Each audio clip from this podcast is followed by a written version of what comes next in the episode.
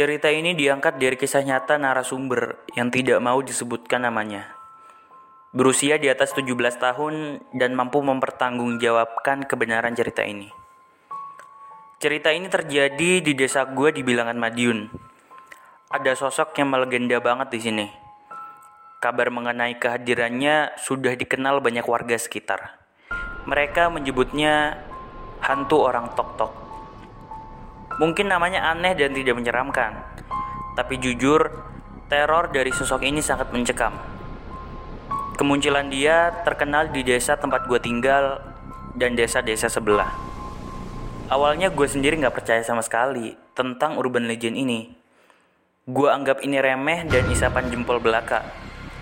Tapi berhubung nyokap gue sendiri yang cerita dan mengalaminya langsung, ya mau nggak mau akhirnya gue mesti percaya. Jauh sebelum kejadian terjadi di rumah gue sendiri warga desa udah denger omongan dari orang-orang desa sebelah tentang desas-desus kehadiran hantu tok-tok ini.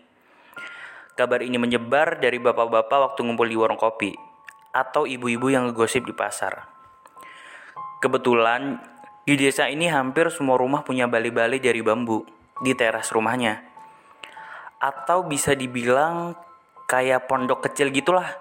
Bisa buat duduk-duduk atau tiduran pas siang hari. Pokoknya kalau nyari di desa-desa yang deket sawah pasti ketemu deh. Ada yang lebar bisa buat tiduran. Ada yang bentuknya kayak bangku memanjang gitu. Nah kehadiran hantu tok-tok ini sangat erat hubungannya dengan keberadaan balai-balai itu. Kenapa? Karena hantu tok-tok meneror satu rumah per malam dan terkhusus buat rumah yang di terasnya ada bali-bali bambunya. Dan waktu kehadiran hantu tok-tok ini sering terjadi sekitar jam 1 dini hari. Teror ini begitu terasa karena kemunculan hantu ini merata. Bergilir-giliran tiap rumah. Mulai dari ujung desa sampai ketemu ke perbatasan desa lainnya. Nggak pernah ada rumah yang didatangi dua kali. Tapi semua yang punya bale-bale bakal ngerasain kehadirannya.